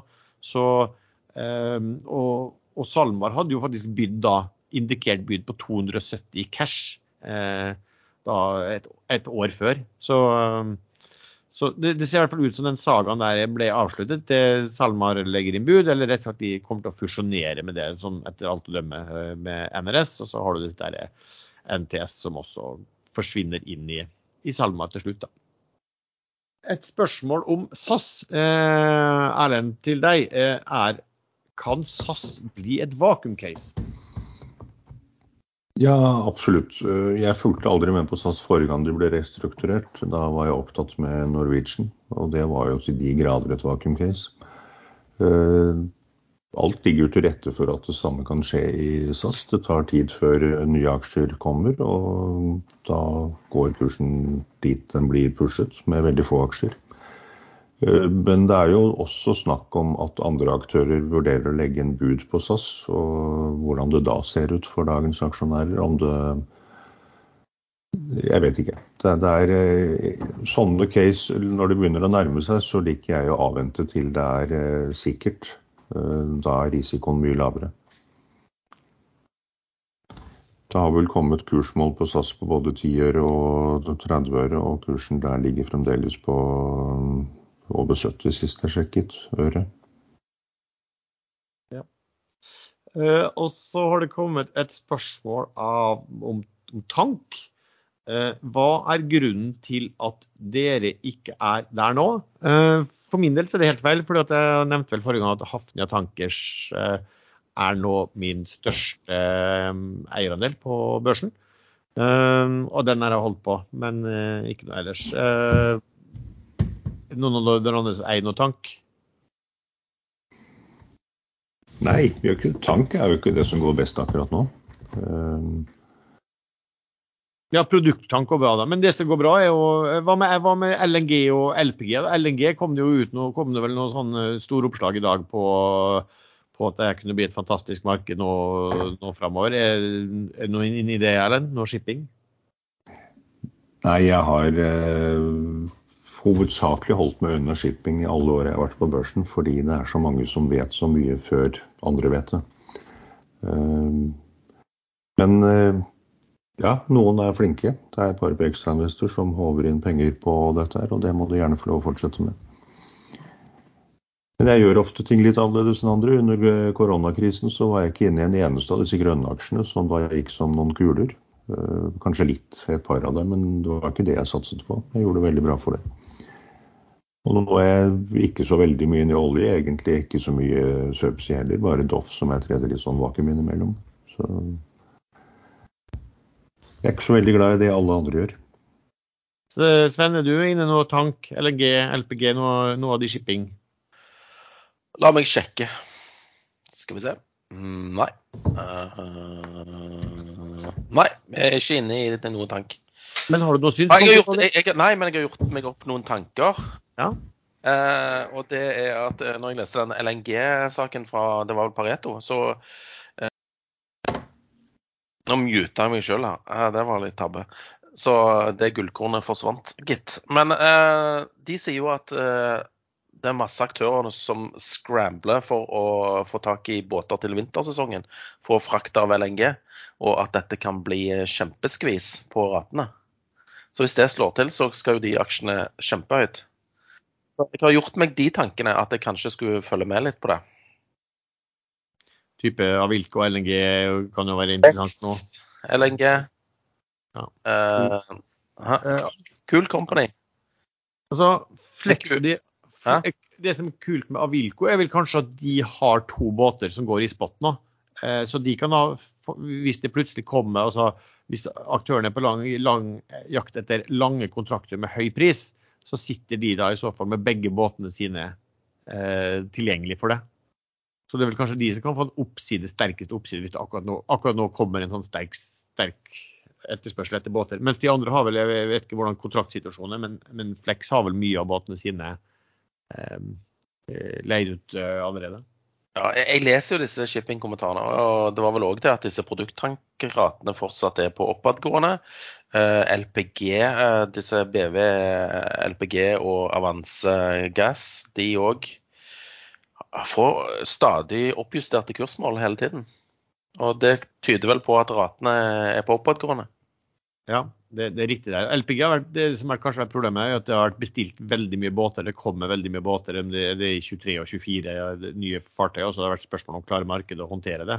Og så begynner vel analytikerne å tro at det, det, kanskje, det kanskje de kan likevel. Og da kommer det noen sånne vanvittige oppdateringer. da. Men, men, stål i det hele tatt, stål på vann var jo noe som alle skydde en periode. Både på, innenfor offshore og altså shipping generelt. Ja, hvis de da ikke kunne lagre olje. Da var det veldig hot en liten periode. Ja, den var ikke så lang, den heller. Nei, den var kort.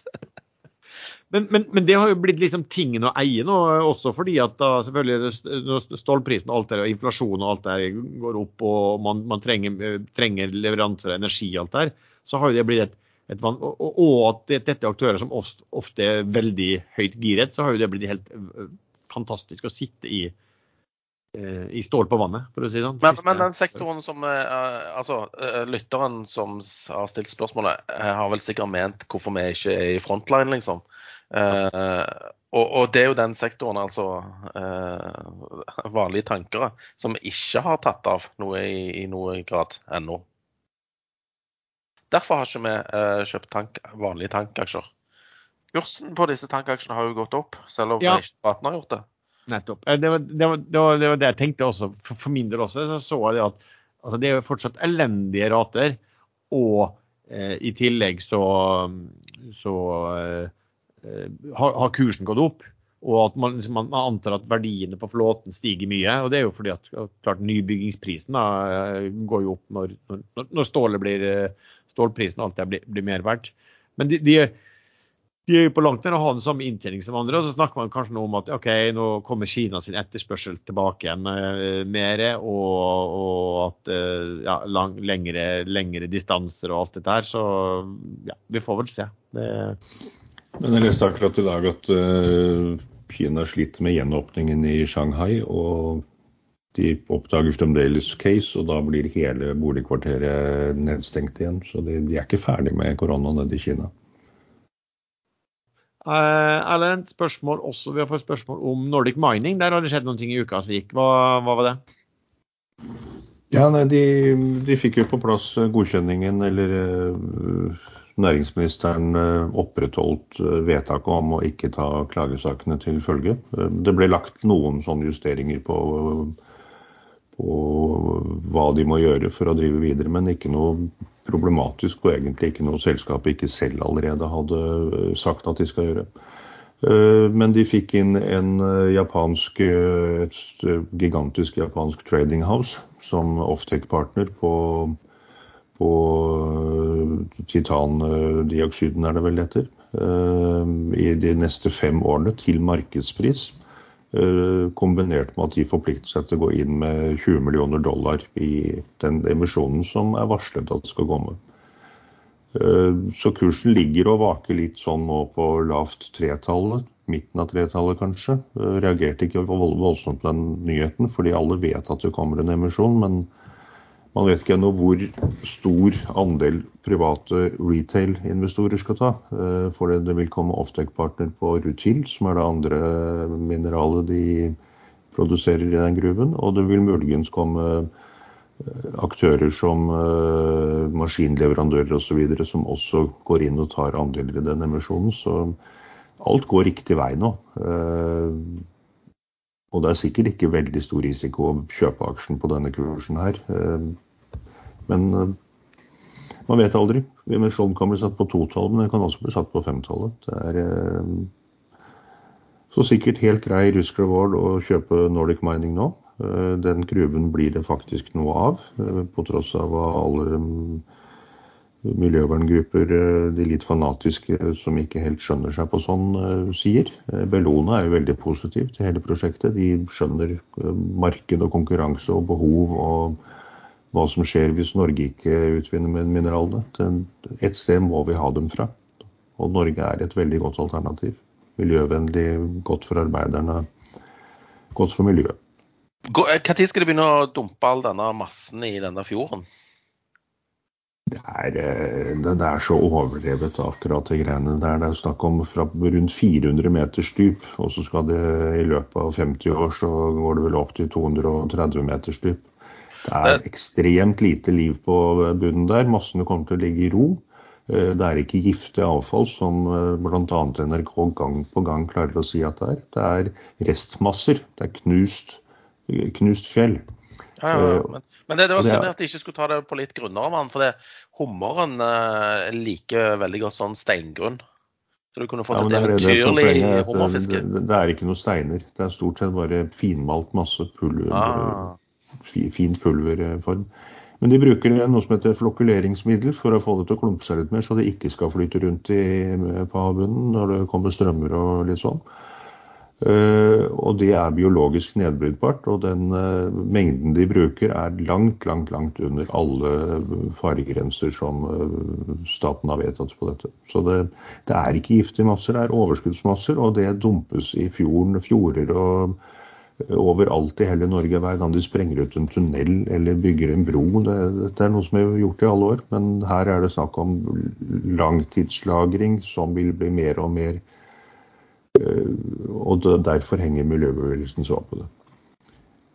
Eh, et spørsmål om PGS. PGS er faktisk opp i dag akkurat nå 19,2% dagens kursvinner.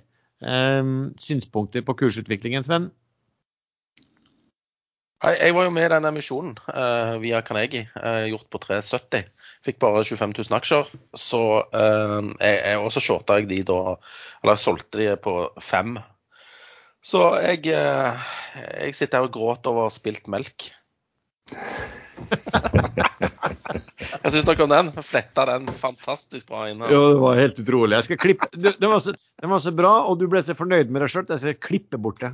Nei, men, Nei, men det, det, kom en analyse da, fra Kepler, var det vel, eh, som eh, spådde han i 13. Var det det? Jeg tror det var 13. Mm. Uh, og seismikkmarkedet er, er er visstnok på bedringens rand. Uh, eller vei. Uh, så jeg håper det smitter over på denne geggen som jeg har. Jeg sitter og venter på at uh, noen skal få kjøpt de båtene, sånn at de kan sprute litt cash på oss aksjonærer. Så får vi se om, om det slår til eller ikke. Men PGS, liksom. Det er en, en, det sorte fåret den stygge andungen. De som aldri tjener penger, eh, selv om det er supersyklus i, i, i seismikk. Så hvorfor skal de gjøre det denne gangen? Det lurer jeg litt på. Masse gjeld har de òg. I januar 2020, eh, drøye to år siden, da var kursen i BGS på 20 kroner. Og det er vel ikke sånn ekstremt utvannede emisjoner de har kjørt etter det? er det? Nei, jeg vet ikke hvor mange de har kjørt utenom den siste. De har jo ikke blitt rekonstruert, så det, det er jo mer standard emisjoner på relativt små beløp. Det de oppnådde nå, var vel å klare å ha nok penger til å betale forfall i år. Kanskje litt ut i neste år. Men Så det er jo en sånn typisk aksje som uh, trader også kjører. Jeg burde egentlig hengt meg på den, men jeg trodde de emisjonsaksjene som kom, skulle vippe kursen ned til tretall igjen, og da hadde jeg kjøpt. Men så skjedde jo ikke det, da. Men det, det, er jo en funksjon igjen. da. Man vet jo at seismikk også, også Hvis eh, investeringsviljen da, hos eh, oljeselskapene tar seg opp, og oljeselskapene tjener jo enorme penger for tiden, så klart at eh, eh altså, hvis, du, hvis, du, begynner å regne på, på ratene på de båtene som, som, PGS har, at de skal øke ganske betraktelig, så kan du jo fort lage ganske gode, gode regnestykker på framtiden på det. det. Om framtiden blir slik, det er noe helt annet. Da. Men jeg har et eh, annet viktig poeng er at eh, to tredjedeler av de aksjene fra 370-emisjonen er ikke levert ennå. De blir ikke levert før i slutten av juni. Så da Men For et sånn pumpecase så er jo det en evighet til. Ja, ja, det er bare å pumpe på. Men eh, jeg kan garantere deg at ved neste nedtur i seismikk, så er PGS den som går konk igjen. Men for eh, som tør å ta litt risiko, da. eh, 28.1 i år, da var kursen 1,57. eh, Sluttkursen. Så den var sikkert nede i 1,50. Og nå er den på 7 eh, Hva er det for noe? 740? 760. 760. Så det er gode penger da, for de som tar litt risiko. Vi har fått spørsmål på MPC Container, som i hvert fall før var veldig i skuddet. Jeg har vel fått litt tilbake igjen nå. Eh, Det kom, jeg kan ikke det så godt, men det kom en, eh, det kom en eh, morgenrapport fra DNB i dag, eh, som da sa at eh, Du. eh, Det kom den, morgenrapport i dag. Pleier ikke det å komme hver dag, da? Jo, men i dag kom en fra DNB som, som eh, gjaldt MPC-container, der de var nevnt. Ja, ja, jeg skjønner. Bare du sa det kom en morgenrapport fra DNB i dag. Akkurat som det, de ikke kommer med det hver dag. Eh, De sendte den til meg i dag. Ja, De sendte den til meg òg. Jeg trodde, du var helt den eneste som fikk den fra DNB, men Du trodde det, ja? ja. Ja. Men i alle fall, der, der sier de at, eh, at hvis de regner på eh, verdien i de langsiktige kontrakter de har, og, og legger til en slags estimert verdi på inntjening fra eh, de delene eh, av flåten som ikke har langsiktig verdi, og så bruker de en slags skipsverdi ut ifra hva man har sett lignende fartøy har blitt solgt for i den senere perioden, så, så finner de en verdi på 57 kroner per aksje. Eh, og det er stor rabatt i forhold til hvordan det tidligere prises. Høy direkteavkastning, bla, bla. Men de har en kjøpsanbefaling på 35, som ligger betydelig under. Da, så det betyr på en måte at de eh, ikke er så sikre på de, de tallene de opererer med der, og at det skal være en betydelig rabatt eh, på det også. Vi, får, se. jeg så vel det sto vel et eller annet om at det begynte å løsne litt i, i, i det konteinermarkedet også på, på, eh, på båtene, og på at ikke de ble sitt, stående i kø ved, ved havnene i, overalt. I, Ja, men det er, vel, det er vel ikke så bull for konteinerratene egentlig? At ting begynner å løsne seg opp? Nei, altså da, klart, hvis du, hvis, du, hvis du får en mer effektiv drift av det, på en måte, så trenger du ikke så mange båter. Da, for da, da ligger jo ikke båtene ute som lager og, vent, og, og venter. ikke sant? Så, så det Så er, de, de, de ratene de siste dagene har jo falt i containermarkedet. men, eh, men, men nå er det sånn at MPC har vært flinke å få, eh, å få eh, inngått eh, ganske mye lange avtaler, da, mens dette markedet var, var brennhet. Eh, var vel i, i, i fjor eh, mot, fram mot, eh, mot jul. Så det var som Vil du snakke om rigg, Sven? Har du noe å si der? Uh, rigg, ja. Uh, nå er det vel to sendinger siden jeg sa at uh, det ikke var digg å være uten rigg. Og denne her favoritten min, Null, den har jo Fra jeg solgte den på 10,5, eh, gått videre, og nå er den 15,5. Så det er jo ca. 50% opp. Og det er jo litt sånn sårt og surt å sitte uten null. Så du skal eh, Lærdommen er vel at du alltid skal ha null i porteføljen. Eh, men det kom en term terminering eh, fra eh, Equinor på en, et drillskip eh, som de hadde leid, eller skulle leie inn fra Valaris. Eh, og der fikk Valaris en sånn early term termination fee, da. Men det var naturlige årsaker til den termineringen. Det var at eh, Equinor hadde overtatt et operatørselskap fra Total Energies, altså gamle Total. Um, og uh, de hadde ombestemt seg for bruk av, av denne riggen. Da. Så ingen dramatikk. For Valare så var det, fremsto det faktisk som positivt, fordi at ratene har steget en del siden den avtalen ble inngått. Så RIK er digg for øyeblikket. Eh, ratene stiger. Eh, til og med denne her Deep Value Driller-aksjen stiger, selv om de ikke har uh, kontrakt eller inngått avtale om salg. Men uh, får de en avtale om salg, så kan fort den stige langt over 20-tallet uh, på, på, dagens markedsverdier. Så mye har gått opp. Jeg er litt mer avventende nå. Altså, jeg var med på emisjonen i null på 4,45 uh, nettopp. Eh, De trenger kanskje en ny emisjon, for eh, hvis de ikke får disse to riggene sine på kontrakt snart, så må de gjøre en ny emisjon. Og den blir neppe gjort på 15,5.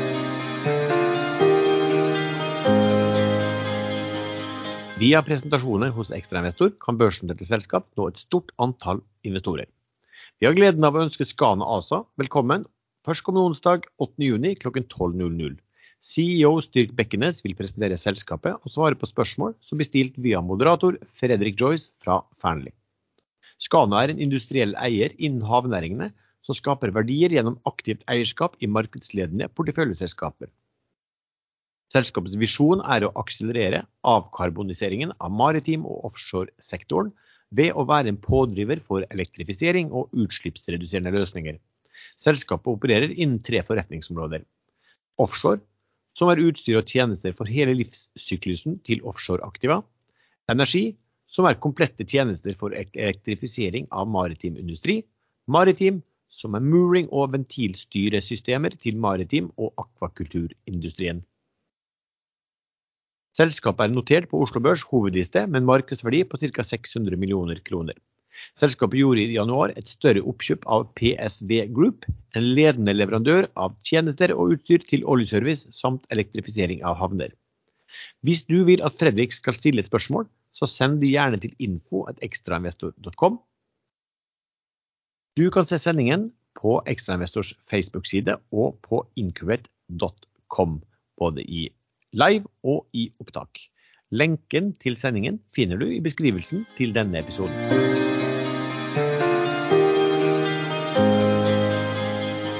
Ok, Er det noe annet dere har lyst til å snakke om før vi skal snakke om uh, ukens favoritter? Det er bra. Sven, få høre. Var det meg igjen? Uh, ja, eh, jeg er på jakt etter uh, selskap som er hotte for tiden. Og akkurat for øyeblikket så er det veldig hot i dette SAAS-markedet. Eh, og spesielt i selskap der eh, Viking Venture eh, er største eier. Så derfor har jeg funnet fram til eh, godeste Hook, altså ticker HOC. Jeg kaller den bare for House of Cards. Eh, fordi at kursutviklingen der har vært eh, Ja, er det en skrekkfilm verdig, eh, for å si det sånn. Har falt og falt og falt. Og fått en liten eh, oppsving nå fordi at de er et sånn SAS eh, softwareselskap med Viking Venture som største eier. Og hva har skjedd med de andre aksjene i lignende situasjon? Jo, de er blitt kjøpt av børs til en hyggelig premie. Så hvis dette selskapet ikke er et korthus, hvis det er lov å si, at de faktisk er eh, House of Control, så blir det solgt. Og det blir solgt til en hyggelig premie, tror jeg. Fordi at det virker som Viking Venture rydder i eh, porteføljen sin for øyeblikket. Og skal ha ut alt av sånne software-selskap. Så det blir ja, kan Mm. forresten være interessant bare å si om disse soft, de, de som blir solgt av software-selskapene, at det er vel ingen av de som har blitt solgt til en pris eh, lik eller høyere enn IPO-prisen. De Ja, Det har de ikke, men de har blitt solgt til formidable multipler basert på framtidsbudsjetter. Absolutt. Så det, jeg, jeg syns fortsatt det, de kjøper dyrt, de som kjøper. Men jeg skal ikke stå i veien for at folk, folk skal få bruke pengene sine på hvilken som helst måte de vil. Så lenge de eh, pengene er erverva på lovlig vis. Men uh, jeg følger jeg med på Geggen, altså Gegg.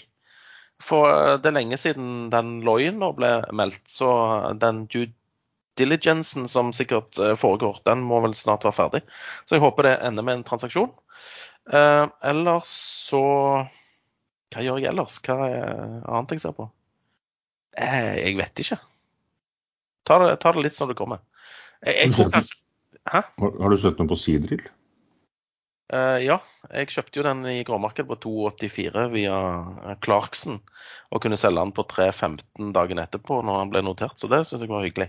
Uh, etter det så har jeg sett at den er fullprisa på rundt 400, så da har jeg ikke så veldig lyst til å kjøpe den for øyeblikket, i hvert fall.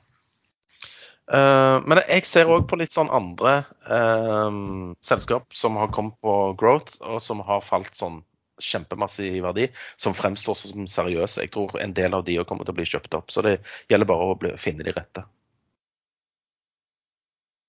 Du, et spørsmål bare, Sven, for den kan du litt til. Det var et, et spørsmål som også er, egentlig går på, noen, på sannsynligvis kommende emisjon. Det var Golden eh, Energy, offshoreselskapet. Eh, eh, du eier ikke obligasjoner lenger der, er det så? Ja, jeg solgte de med en rask gevinst, fordi eh, jeg klarer ikke å motstå raske gevinster. Eh, Da er det bedre sånn seine gevinster, altså trege gevinster. Da klarer jeg å holde lenger. Men der er, vel, er det vel forventa at det kommer en emisjon øh, når som helst? De har jo to gamle båter, og så har de to nye båter. Hvis vi kan si at 2014 øh, er nye båter. Øh, Som eh, ble bygget i Kina. Og de ble finansiert med en sånn sail leaseback-ordning. Som de da må refinansiere, for den har utløpt eller utløp nå i mai. Og nå er vi jo i juni, så de må komme til en ordning med disse leasingselskapene for å få eh, enten refinansiert eh, via vanlig lån, eller eh, forlenge den sale leasebacken. Eh, og de har fått en emisjonsfullmakt eh, som de sikkert kommer til å bruke i forbindelse med at dette skal refinansieres eller forlenges eller whatever. Så det er en finansieringsrisiko der. Nå hadde jo dette, obligasjon, Obligasjonen hadde jo, eller har jo pant i Energy Swan, som er den store PSV-en av de to gamle. Så den hadde vært dekka bra uansett. Men eh, jeg tok raske vinster. Jeg tror fortsatt den obligasjonen på dagens kurser er et godt kjøp. Ja. Men den obligasjonen, var det, var det pant da etter dette? Eller var det, var, var det nei, eller var det verft? Leasingselskapene har kun eh, de to nye Kina-båtene, som jeg kaller de. Og det er en seil leaseback. Men eh, tror du at du kan komme allerede emisjoner neste uke, eller? Jeg tror de må bli enige med disse kineserne først. Og det kan jo være at de sitter innelåst på et loft i Shanghai, for alt vi vet. Så ting kan jo ta litt tid. Erlend, hva har du tro på eh, uken som kommer? Nei, nå, nå er det jo Doff som man må følge med på. Det er eh, i ren egeninteresse og, og ganske egoistisk så håper jeg at eh, det kommer en gigantisk restrukturering på ti øre eller lavere. Eh, da blir den interessant å tre som et vakuum case. SAS kan også bli interessant. Jeg så faktisk at Flyr var ute i går på Dagsrevyen eller foregårs og sa at de står klare til å overta SAS rutenett i Norge hvis eh, SAS går på dunken. Eh, Så Flyr kan også være litt interessant å følge med på. Nå ligger kursen på rundt en krone, og det er vel lavere enn emisjonen som nettopp ble satt. Men eh, det er jo masse mørke skyer i flymarkedet. Ikke bare at Oljeprisen har blitt enormt høy, så det koster dem mye å fly. Men man risikerer også at eh, det ikke er tilgjengelig flybensin eh, i visse regioner. Eh, Det kan bli et større problem. Eh, Det er raffineriene, raffineriene som velger å produsere andre produkter som de sikkert tjener mer på. Så eh, men som et trading case tror jeg den er eh, fin uansett. Men det kan godt være at den faller tilbake der hvor den kom fra sist den falt ned til bunn, og det var vel 0,80-0 et eller annet pluss-minus. Um, ellers så følger jeg med på denne svenske onkoseptides. Onkopeptides, som jeg kanskje Kall Er- er du. Ja, er det mulig? I chatten skriver bare onk-onk når det stikker. Det er mye enklere. Men eh, den ligger nå og vaker på rundt 850-860. Den var nede i 830 igjen i går. Og der var jeg faktisk veldig flink nå forrige uke. Den tror jeg glemte å nevne. Den kjøpte jeg på 880-tallet i snitt etter at det økte på veien opp. Og så vippet jeg ut alt på rundt 9,10 i snitt. Eh, For da syns jeg den så ferdig pumpet ut, og så ramla den ned etter det. Men jeg har ikke kjøpt den inn ennå. Det er, ikke, det er ingen risikofri aksje. Eh, Man regner med at eh, den blir, medisinen eh, blir godkjent i EU, men det kan også være at den ikke blir det. Og da er fallhøyden stor. Men det jeg har nå hovedfokuset på, det er faktisk Astrokast. Jeg oppfattet den aksjen ganske sent, og jeg fikk ikke med meg at den lå ned på 6-7-tallet hvor du begynte å plukke den. Eh, Så jeg tok den første dagen etterpå på dobbeltkurs. Eh, Du plukket vel en ukes tid før, kanskje? Jeg plukket og fortalte jo om den, i denne podkasten mens du hørte på. Ja, men da, det, det da Til og med jeg har jo snakka en del om denne astrokasten og hatt den. Jeg kjøpte den faktisk på femtallet òg. Men jeg vippa den ut på syvtallet, så jeg var fornøyd. Så. Men du Men, har eh, blitt jeg- advart. Jeg har jo satt meg litt inn i det selskapet, og det er jo øh, opprinnelig Sveits-basert. øh, Stort forskningsmiljø. De har Boeing, nei, Airbus som partner, og de har Palantir øh, som aksjonær. Ikke sånn veldig stor aksjonær, men Palantir er jo da også medeier i, i Musk sitt uh, SpaceX, mener jeg å huske. I hvert fall så er det koblinger mellom Musk og han Peter Thiel. Eh, og de syns også tydeligvis at Astrokast er interessant. Eh, og en av grunnene er at eh, båndspekteret, eh, megahertz eh, eller hertzområdet som, som Astrokast sender på, er et annet enn det SpaceX eh, gjør med sine Starlink-satellitter. og også et annet enn Amazon gjør med sine. Og det båndbredden er eh, bl.a. Iridium-satellittene, som er, har visstnok full dekning i store, store deler av verden. De bruker det samme. Eh, Og der hadde det selskapet som Astrocast nå kjøpte opp, eh, husker jeg ikke navnet i farten, det husker du, Lars? Kiber. Ja. De hadde allerede en avtale med, med Iridium-satellittnettverket, så det, de kan vokse fort. Det er sånne mikrosatellitter. Det er vel de minste satellittene som sendes opp akkurat nå. Og relativt enkle mottakerstasjoner. Og de signalene i den båtbredden de stoppes ikke av skyer eller regnvær eller noen ting. De, det er det samme som eh, GSM-systemet bruker, eller sånn i nærheten av det systemet. Så det er kun eh, betongbygninger eller veldig tett skog som kan forstyrre de signalene litt. Grann. Men tett skog, da setter man bare antennen på toppen av et høyt tre, og så har man løst det problemet. Så det er verdensomspennende satellittmot, eller bakkemottak av signaler som sendes via satellitt. Eh, Satellitten er veldig billig, eh, mottakerstasjonen er veldig billig. Det er snakk om eh, månedsabonnement for brukerne på litt avhengig av hvor mye data de skal på, mellom 1 og 60 dollar. Så det er ikke noe Det, det er mye, mange små inntekter blir til en stor òg, plutselig, det selskapet der. Her, men jeg har jo generelt veldig tro på hele space-bransjen. Jeg er overbevist om at det kommer til å bli som tech-aksjene var. Plutselig så tok de helt av og gikk sky high, og det samme med grønne aksjer, ESG-aksjer. Eh, Space-bransjen den kommer til å utvikle seg ekstremt, og mye av grunnen er at eh, selve rakettoppskytingen har blitt ekstremt mye billigere. Eh, Særlig SpaceX som har bidratt til det, men også andre satellitt- eller andre rakettselskap. Så da er eh, plutselig oppskytingen ikke lenger en stor del av kostnadene, som det alltid var før. Og da vil space-aksjer kunne virkelig ta fullstendig av. Så jeg sitter og følger med på flere av dem. Bl.a. Virgin Galactic Space, SPCE tikker, og Astra, som er et annet tidsselskap. Men de klarte å miste en rakett som skulle skyte opp en uh, satellitt for NASA. Så den kursen har jo gått ganske dypt i kjelleren. Men det kan snu. Uh, og når SpaceX før eller siden kommer på børs, da kommer jeg til å kjøpe uansett hvilken uh, IPO-kurs de kjører. Den, de gjør så mye riktig, så det tror jeg blir gull uansett. Men da er det altså Astrocast som er min space-aksje akkurat nå. Det kan være at jeg er et år eller to, to for tidlig ute, men uh, de har en fin flyt nå. Uh, det skjer mye. Så sats på den en stund. Jeg så forresten det kom altså de, Det var jo et utenlandsk som heter Brian Garnier som, var, som gjorde IPO-en for dem. Det ble, det ble jo egentlig bare satt mot utenlandske til dels ganske store aktører når de gikk på børs.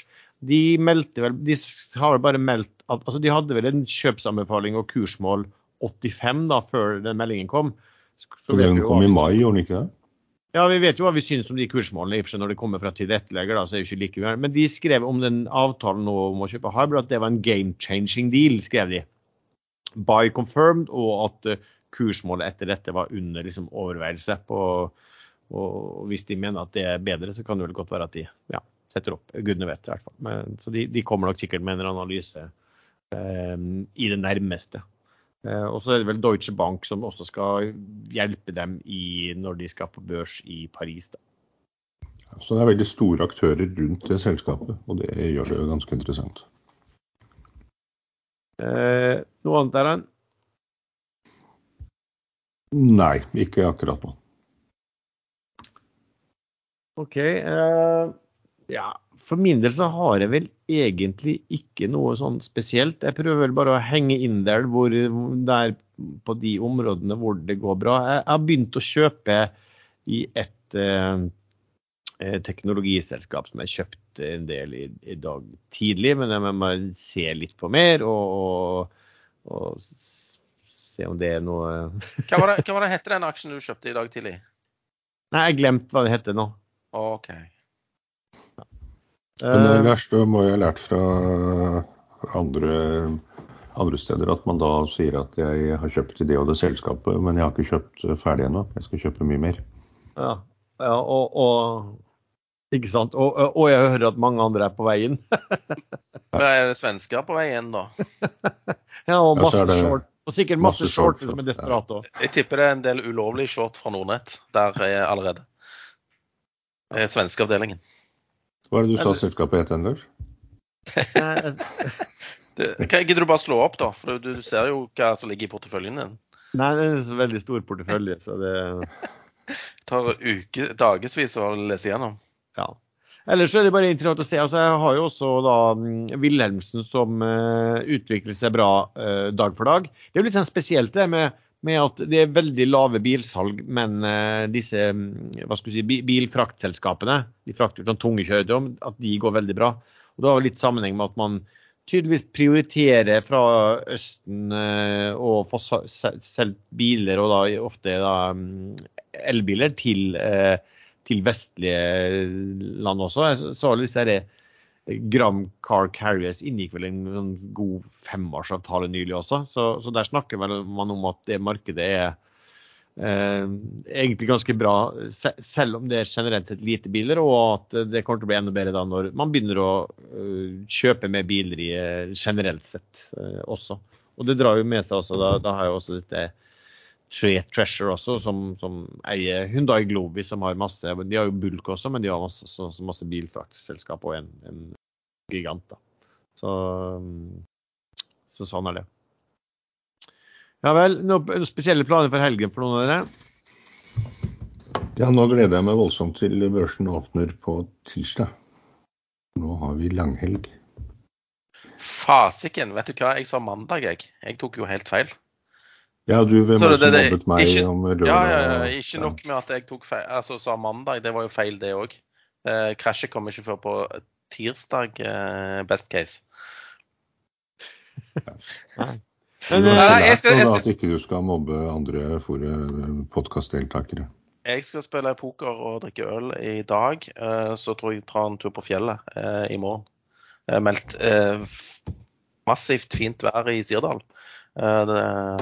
Det- Både lørdag og søndag og mandag. Jeg skal faktisk se på Ruud spille semifinale i French Open I Frankrike. i Frankrike. Ja, Nei, men- French Open pleier å være i Frankrike. Du har eh, privatjetten lina opp du og drar klokken 15, eh, var det så? Eller, Ja, dra, selvfølgelig. du må dra om en time du nå og rekke, rekke Men de varer så lenge, de tenniskampene. Som regel. I hvert fall når Ruud spiller, for det er ganske lange slagvekslinger på det.